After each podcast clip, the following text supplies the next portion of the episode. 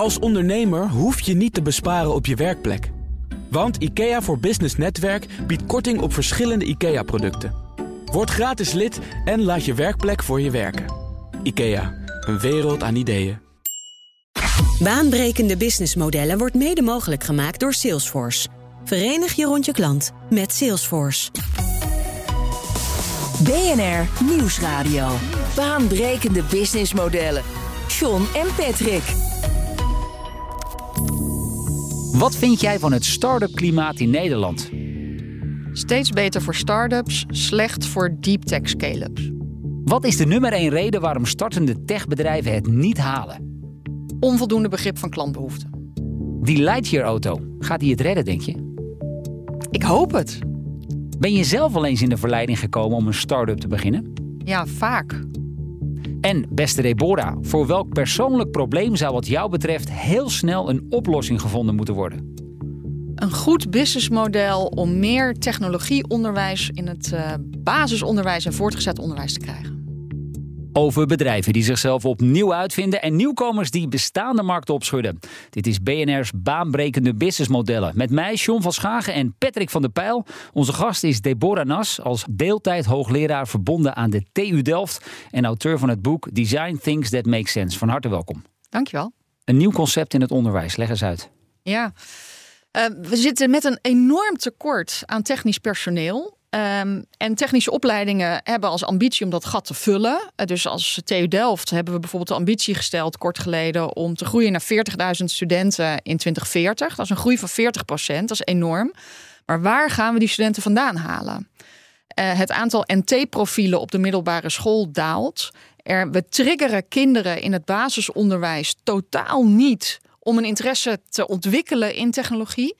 Um, dus dat gaat eigenlijk helemaal uh, de verkeerde kant op. En wat ik zie is dat die markt die zit op slot. Wat ik heel interessant vind is dat je eigenlijk als je naar het onderwijs kijkt, dan voldoet het aan alle criteria dat het klaar is voor disruptie. En toch gebeurt er niks. In jouw handen jeuken om daar iets. Nou, ik hoop eigenlijk dat er toch binnenkort dat er start-ups opstaan die een businessmodel vinden. Het complexe zit hem in het feit dat het een, een maatschappelijk doel dient dat daar publiek geld in gaat, dat daar een aantal hele grote, machtige uitgevers zitten die ja, maar hun spullen blijven pushen en daar grote marges op maken.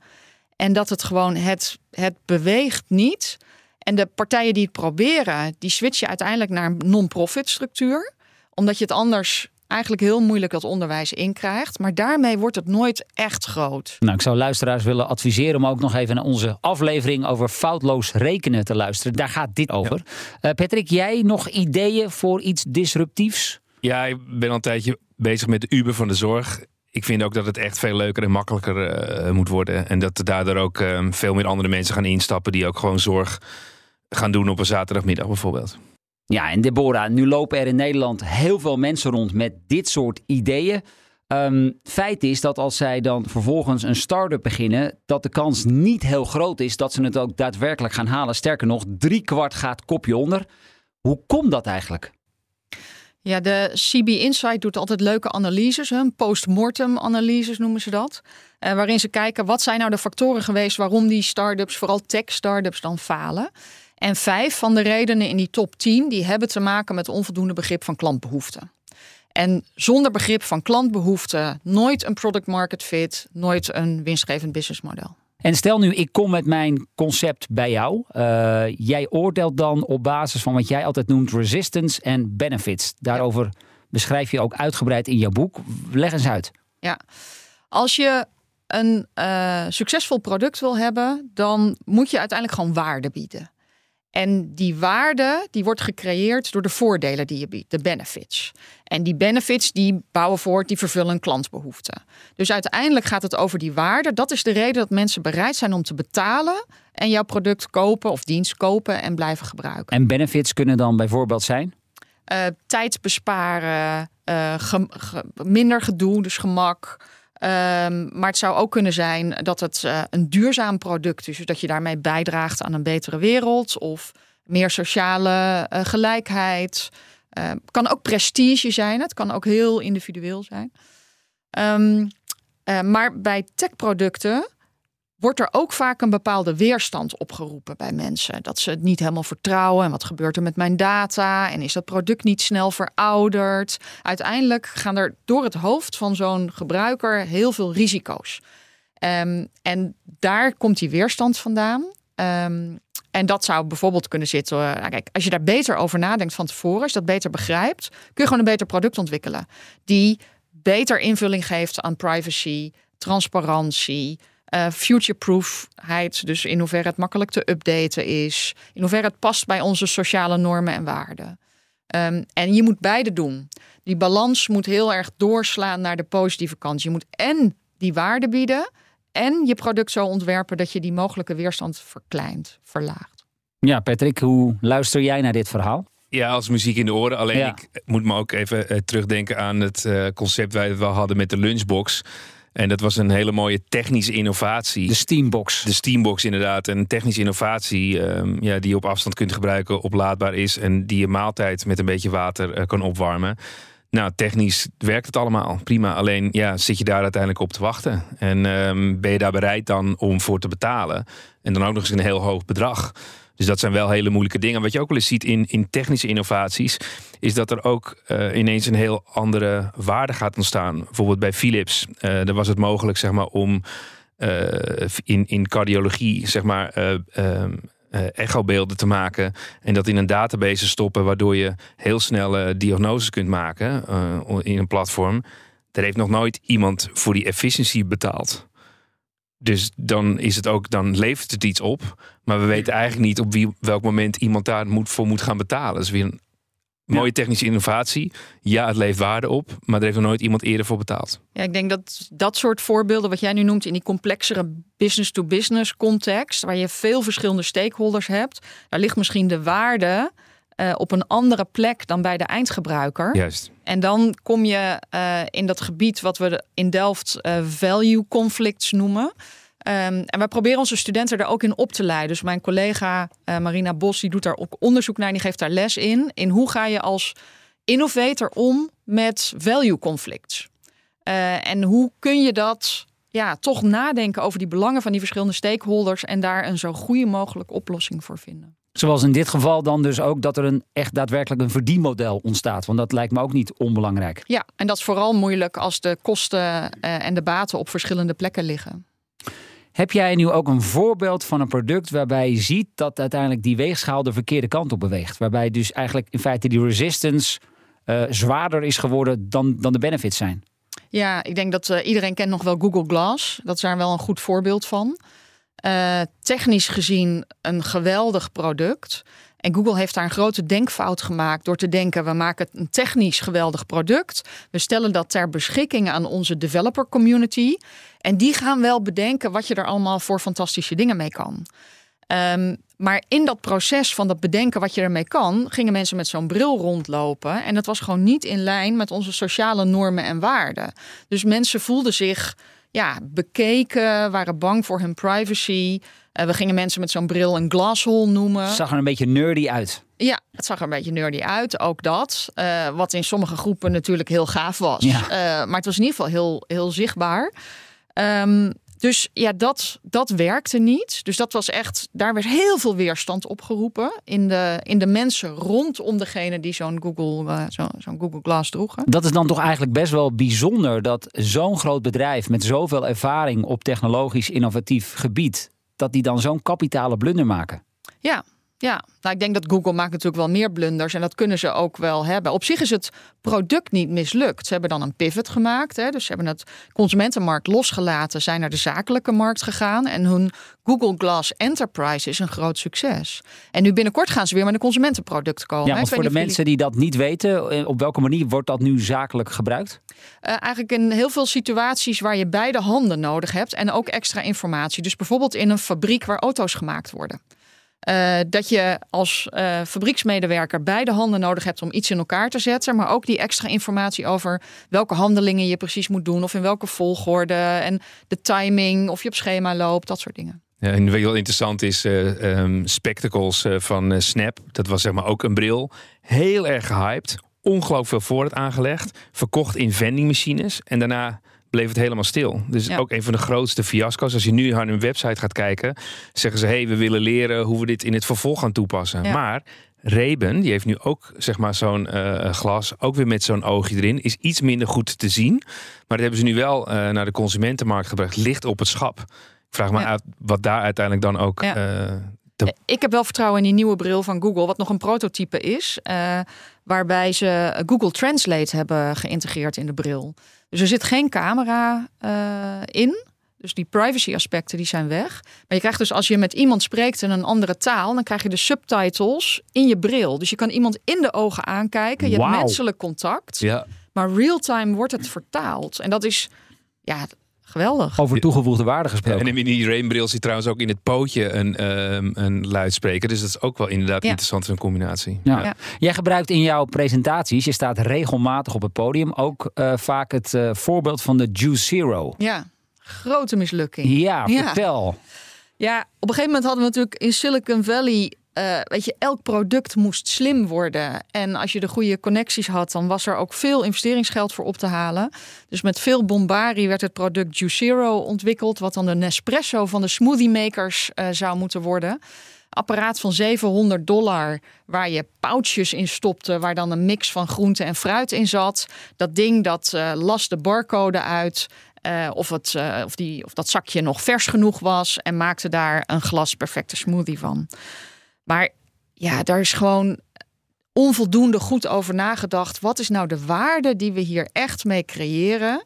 En hoe kom je verder dan alleen die early adopters die elke gadget wel willen kopen, waar je gewoon niet een voldoende grote markt aan hebt?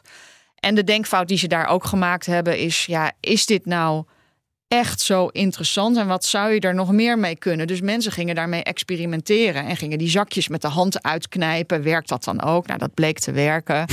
Eh, en dat was zeg maar helemaal het einde. Dus die hebben 120 miljoen verbrand voordat ze failliet gingen. En nog een andere om eh, Deborah af te troeven met de miljoenen. De 850 miljoen verbrand door Better Place. En Better Place was een concept eh, waarbij Renault een, had bedacht dat je met elektrische auto's een concept kon ontwikkelen waar batterijen vervangen zouden worden. En dat je ook een abonnement eh, dan kon afsluiten. Heeft ook op Schiphol gestaan, dat concept.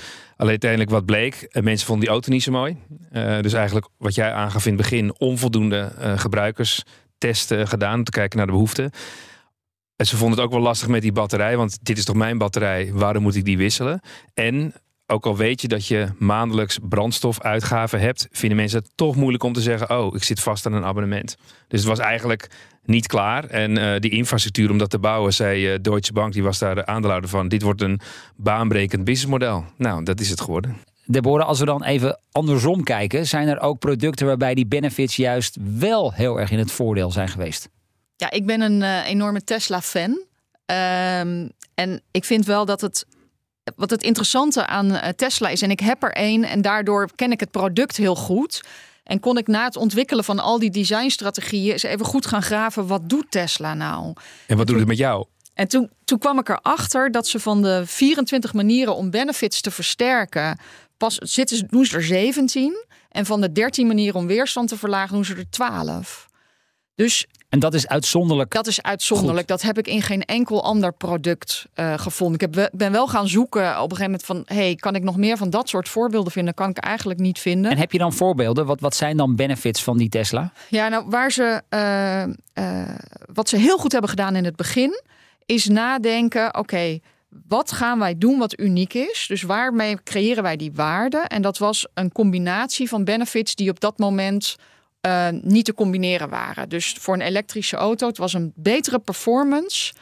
En eh, een duurzame oplossing. Dus de performance zat hem erin dat ze een, een acceleratievermogen. wat geen enkele ander verbrandingsmotorauto had. Eh, maar ook de hele customer experience, een hogere performance. van wat betekent het om een auto te bezitten en te rijden? En een lagere CO2-footprint. Ehm, dus zij waren het eerste merk wat zei: je hoeft geen compromis te sluiten om elektrisch te rijden. Daar zat hun uniekheid in. Maar ze hebben ook goed nagedacht toen over wat houdt nou mensen tegen om zo'n auto aan te schaffen.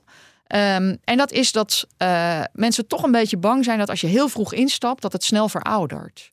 En zij waren ook de eerste die daarom kwamen met hun over-the-air updates. Met de belofte van ja, als je hardware in die auto het aan kan, dan blijf je altijd de nieuwe, nieuwste features krijgen met elke nieuwe software-update. Dus ze hebben ook goed over die weerstand nagedacht. En wat dus heel interessant is, dat dat waren eigenlijk vooral de punten waarover ze spraken toen ze, die, toen ze het product lanceerden. En al die andere benefits, daar hebben ze het niet over. Die merk je pas als je dat product gaat gebruiken. En dat maakt dat het zo'n goede ervaring is en dat je er heel blij van wordt als gebruiker.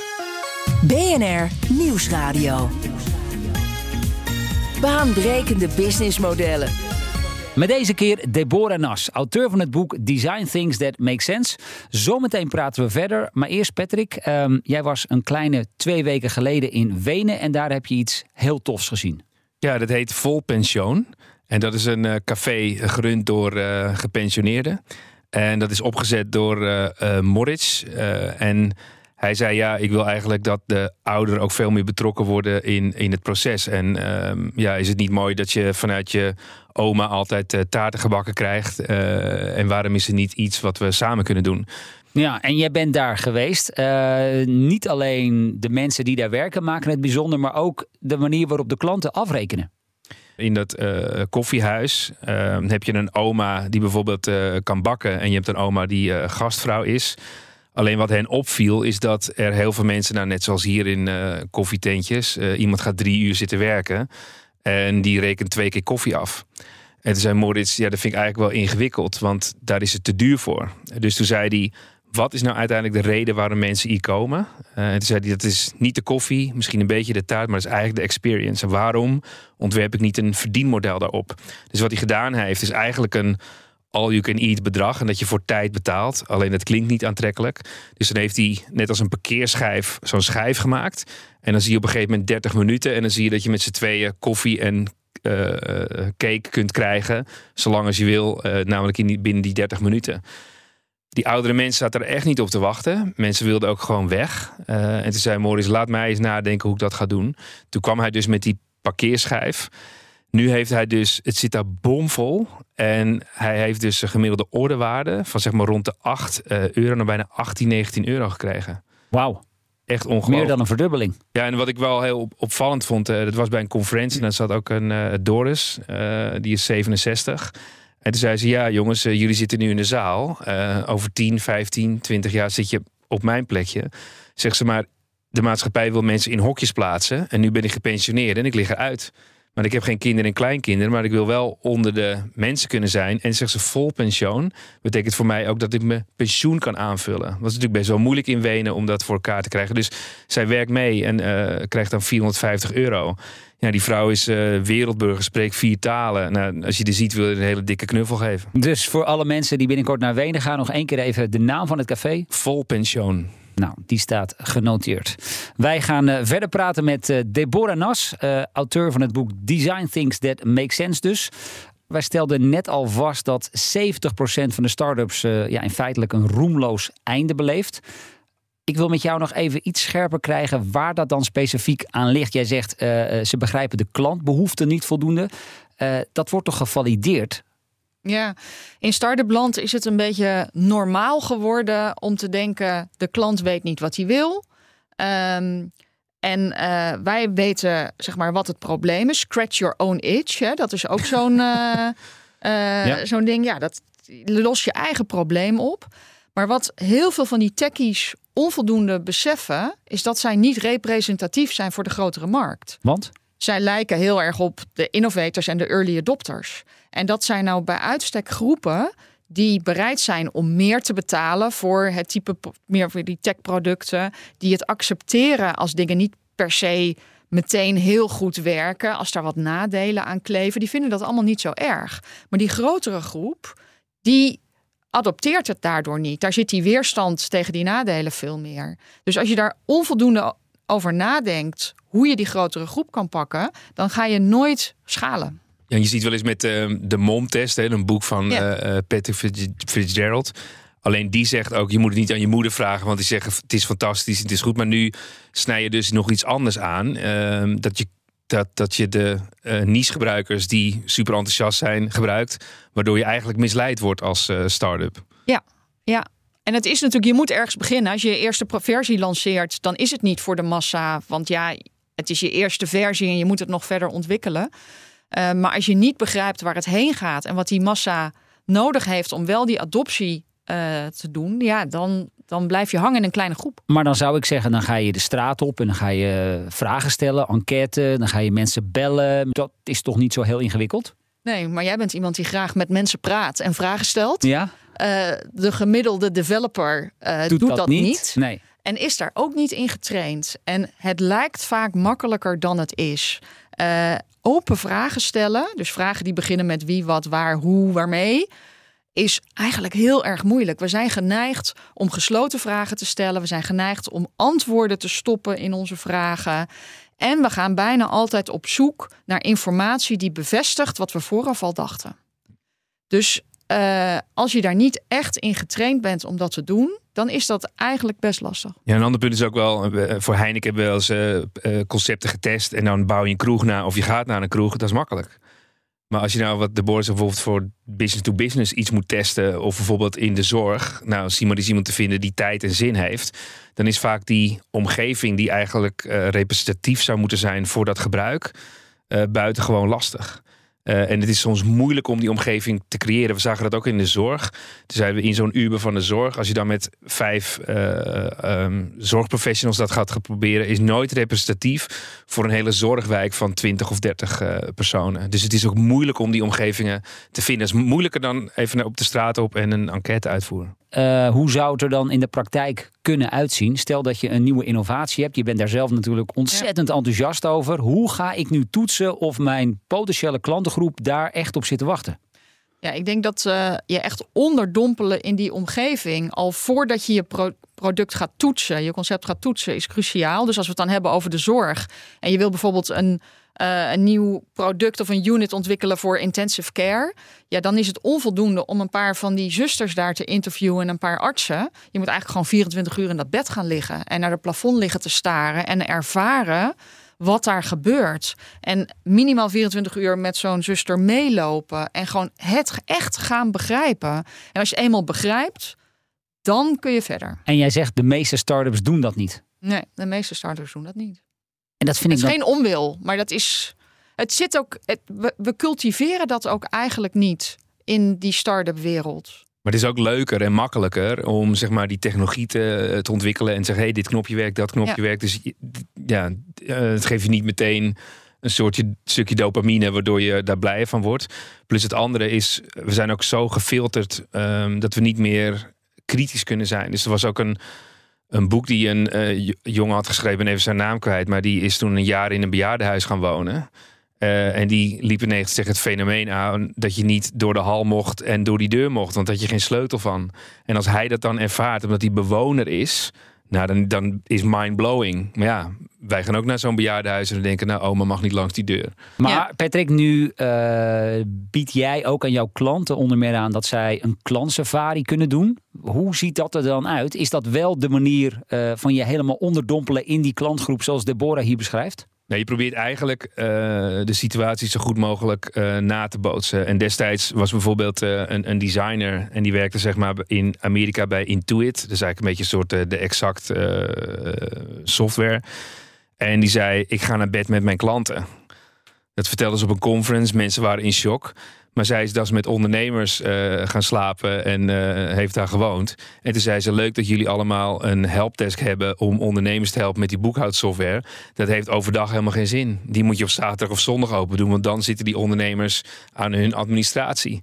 Dus dat zijn hele simpele dingen. Maar daar hebben ze geprobeerd om het zo goed mogelijk na te bootsen. En daar moet je zo dicht mogelijk uh, naartoe. Anders dan krijg je ook de verkeerde resultaten. Ja, en Deborah, jij zegt ook heel nadrukkelijk: uh, begin daar niet te laat mee. Niet als je je concept al hebt, niet als je dus al aan die knopjes aan het draaien bent en leuke ja. dingetjes aan het ontwikkelen bent. Eerst die klantbehoefte in kaart brengen, ja. dan pas gaan knutselen. Ja, en het hele mantra wat we allemaal aanhangen nu, build, measure, learn, uh, dankzij het populaire boek The Lean Startup. Ja, dat gaat daar eigenlijk tegen in. Dat zegt gewoon: ga zo snel mogelijk iets bouwen. Zet het uit in de echte wereld en meet wat er gebeurt. Dus verzamel data. Maar die data geeft je niet echt die empathie. Die geeft je niet dat, dat echte diepe begrip. En dan blijf je eigenlijk tweaken op zoek naar een product market fit, wat soms gewoon heel moeilijk dan te vinden is. En hoe helpt jouw resistance en benefits model daar dan bij? Is dat misschien een soort van ja, shortcut? Ja, zo zou je het kunnen zien. Kijk, je, je zou kunnen zeggen van nee, die start-ups, die tech-teams, die moeten dus gewoon echt zich helemaal onderdompelen in die wereld. Maar dat kan je wel zeggen, maar ik zie het gewoon niet gebeuren. Dus ik heb gedacht, wat kan ik nou voor een quick fix vinden? Uh, en uh, toen dacht ik in eerste instantie, kan niet zo moeilijk zijn. Uh, weet je, benefits, weerstand, Um, maar ik heb er twee jaar over gedaan. Uh, dat bleek toch een stuk lastiger. En dat is omdat ik ben in al die theorieën gedoken. In de psychologie, in technologie, adoptie, in uh, retentiestrategieën. En eigenlijk al die theorieën geven een stukje van de puzzel, maar niet de hele puzzel. Dus ik heb het helemaal afgebroken in kleine bouwblokjes en ben toen weer opnieuw gaan opbouwen. Dus ik zie het als een, uh, een, een soort manier zonder dat je, voordat je echt je gaat onderdompelen in die wereld, om eigenlijk op een hele eenvoudige manier wel goed te begrijpen wat kan ik nou voor waarde bieden, hoe kan ik weerstand wegnemen. En ook als een hulpmiddel om concurrerende oplossingen te analyseren. Daar werkt het ook heel goed voor. Als je een, een, een ander of in een ander land een soortgelijke propositie, meestal is wat je ontwikkelt niet radicaal nieuw, maar is het er al ergens in de wereld bedacht, in een variant? Niet door jou, ja. Precies. Uh, om te analyseren, wat, is, wat doen ze nou? Waar zit nou hun USP, waar zitten nou die benefits? Wat doen ze om weerstand weg te nemen? Om daar heel veel van te leren. Wij hebben in Nederland natuurlijk ook een hele rits met van die accelerators. Uh, onder meer ook bij de TU Delft uh, ja. zit een hele bekende. Um, je zou zeggen, daar wordt dat ook aan de start-ups, aan de startende ondernemers geleerd. Gebeurt ja. dat dan onvoldoende? Onvoldoende. toch ja. nog steeds? Ja, ja, daar zit heel veel uh, focus altijd op het investor ready worden. Dus echt een goede pitch ontwikkelen. Uh, team aanvullen met de juiste competenties. Uh, maar er zit eigenlijk heel weinig focus, vind ik. Ik ben benieuwd wat jij daarvan vindt, Patrick. Maar weinig, te weinig focus echt op die waardepropositie nog. Ja, wat mij opviel is dat toen een jaar of twaalf geleden dat ik in die wereld terecht kwam. Um, waren er verschillende accelerators en hebben we uiteindelijk ook in um, een boek aandacht aan besteed. Heel veel hebben gewoon een locatie en die brengen allerlei partijen bij elkaar. En dan gaat het meer om het verdienmodel van het accelerator-programma. Uh, namelijk een, een steek nemen um, en zeg maar de corporates laten zien: kijk eens uh, wat er hier gebeurt. Er zijn er bijvoorbeeld weinig met een echte stevige methodologie. Dus wij gebruiken met BIS-model een hele stevige methodologie. Maar er zijn er weinig die dat uiteindelijk uh, doen. En um, dan zie je dus bijvoorbeeld dat het eigenlijk wat had gemoeten, is dat zij de state-of-the-art technologie in huis hebben. Om bijvoorbeeld hele snelle tests te kunnen doen. Want waarom moet iedereen het opnieuw uitvinden? Maar ze laten het allemaal opnieuw uitvinden. En dat is eigenlijk zonde. Kijk, als je destijds kijkt naar een Andreessen Horowitz, die een investeerders of venture capital firm uit de US, die had daar zo'n team zitten. Die liet niet iedereen het wiel opnieuw uitvinden. Ze hadden wel founders die uh, uniek waren en die ergens anders vandaan kwamen. Maar het mooiste zou zijn uh, dat daar het beste van het beste beschikbaar is. Dat is niet zo. Nee. En dat je een interessant punt aansnijdt. Er zijn, zeg maar, vanuit verschillende perspectieven wordt er, worden startups als een businessmodel gezien. Dus vanuit die accelerators, wat jij nu zegt. Maar ik zie ook een hoop founders met die gedachte een start-up beginnen. Met het idee, wat kan ik starten en snel schalen, zodat ik een exit kan maken. Dus het gaat eigenlijk helemaal niet meer dan om het product, maar het gaat meer om het, de start-up als businessmodel. En ik zie het ook bij investeerders. Ja, dus een start-up is een vehicle om uh, je ja. exit voor elkaar te krijgen. Ja. ja. Um, ik zit even te denken, zal ik jullie tot slot misschien ook nog mijn idee vertellen? Ja, graag. ja ik heb al jarenlang, ik denk al meer dan tien jaar, een bepaald idee in mijn hoofd. Of eigenlijk is het geen idee, het is meer een soort irritatie die ik zie. Um, nou hoor je dat vaak op verjaardagen en dan zeggen ze ja en dan ga ik dat oplossen. Ja, dus ja. ik ben heel benieuwd. John. Ik, ik, heb alleen nog geen oplossing. Nou, waar ter wereld ik ook kom. Ik ben al in heel veel verschillende hotels geweest, maar ook cafés, restaurants en dergelijke. En dan, uh, nou Patrick, jij kan daarover meepraten. Dan gaan wij naar het toilet. Dan doen wij de kleine boodschap. En dan zie je eigenlijk altijd bij het mannentoilet dat het een bende is. Ik bedoel, mannen kunnen niet richten. Staan daar te ver vanaf ik heb het zelfs in de allermooiste hotels ter wereld gezien. En ik vraag me ook af, het toilet is eigenlijk al 100, 150 jaar hetzelfde. En ik ben steeds nog aan het bedenken, wat zou daar nou voor een nieuwe innovatie kunnen plaatsvinden, zodat het netjes blijft daar? Ik zie Deborah denken van... hmm, Ja, ik zit eigenlijk wat anders te denken. Kun- Jij bent nog nooit in een damestoilet geweest. n- kom ik niet dagelijks. Nee, nee. Dat is waarschijnlijk Net- nog erger, kan ik je nog vertellen. erger? Ja. Oké. ja, een van mijn collega's in Delft is daarin gespecialiseerd. En die heeft al twintig jaar geleden een damesurinoir ontwikkeld. Om dat probleem op te lossen. Maar dat is zo'n grote... En dat heeft ze samen met Sphinx gedaan. En Maar dat is zo'n grote stap voor mensen om om te schakelen... dat dat het uiteindelijk eh, niet gered heeft. Ik probeer een heel beeld voor me te halen. Ik denk luisteraars ook. Wat, wat zie ik dan voor me? Bij een damesurinoir. Die dan ontwikkeld is door... Ja, ja, nou dat lijkt een beetje op een, eh een hereninnuaar, maar dan een iets andere vorm. En je hurkt daar, eh, zeg maar, ja, dat kunnen de luisteraars nu niet zien, maar als het ware alsof je hurkt met je billen naar Je achter. maakt een squat en hang, dan... je, ja, hang je erboven. En dat is omdat heel veel dames toch al boven een toilet gaan hangen, maar daar is je nou niet voor ontworpen. Dus dat is niet een hele hygiënische setting. Nee. John, ik zie een gat, maar alleen... Ja, ja, ik zie ook Je nog hebt een maar- onderwerp Ik aangesneden hoor. ook nog niet hoe ik dit moet oplossen. Ja. We gaan er nog eens even verder onze gedachten over laten gaan. Deborah Nas, mag ik jou in ieder geval heel hartelijk danken voor het gesprek hier in de studio. Eh, en Patrick en ik die zijn er uiteraard volgende week weer. En wil je voor die tijd al meer luisteren? Nou, check dan ook even onze andere afleveringen die je vindt op vrijwel alle bekende podcastkanalen. Tot volgende week. Baanbrekende businessmodellen wordt mede mogelijk gemaakt door Salesforce. Verenig je rond je klant met Salesforce. Als ondernemer hoef je niet te besparen op je werkplek. Want IKEA voor Business Netwerk biedt korting op verschillende IKEA-producten. Word gratis lid en laat je werkplek voor je werken. IKEA, een wereld aan ideeën.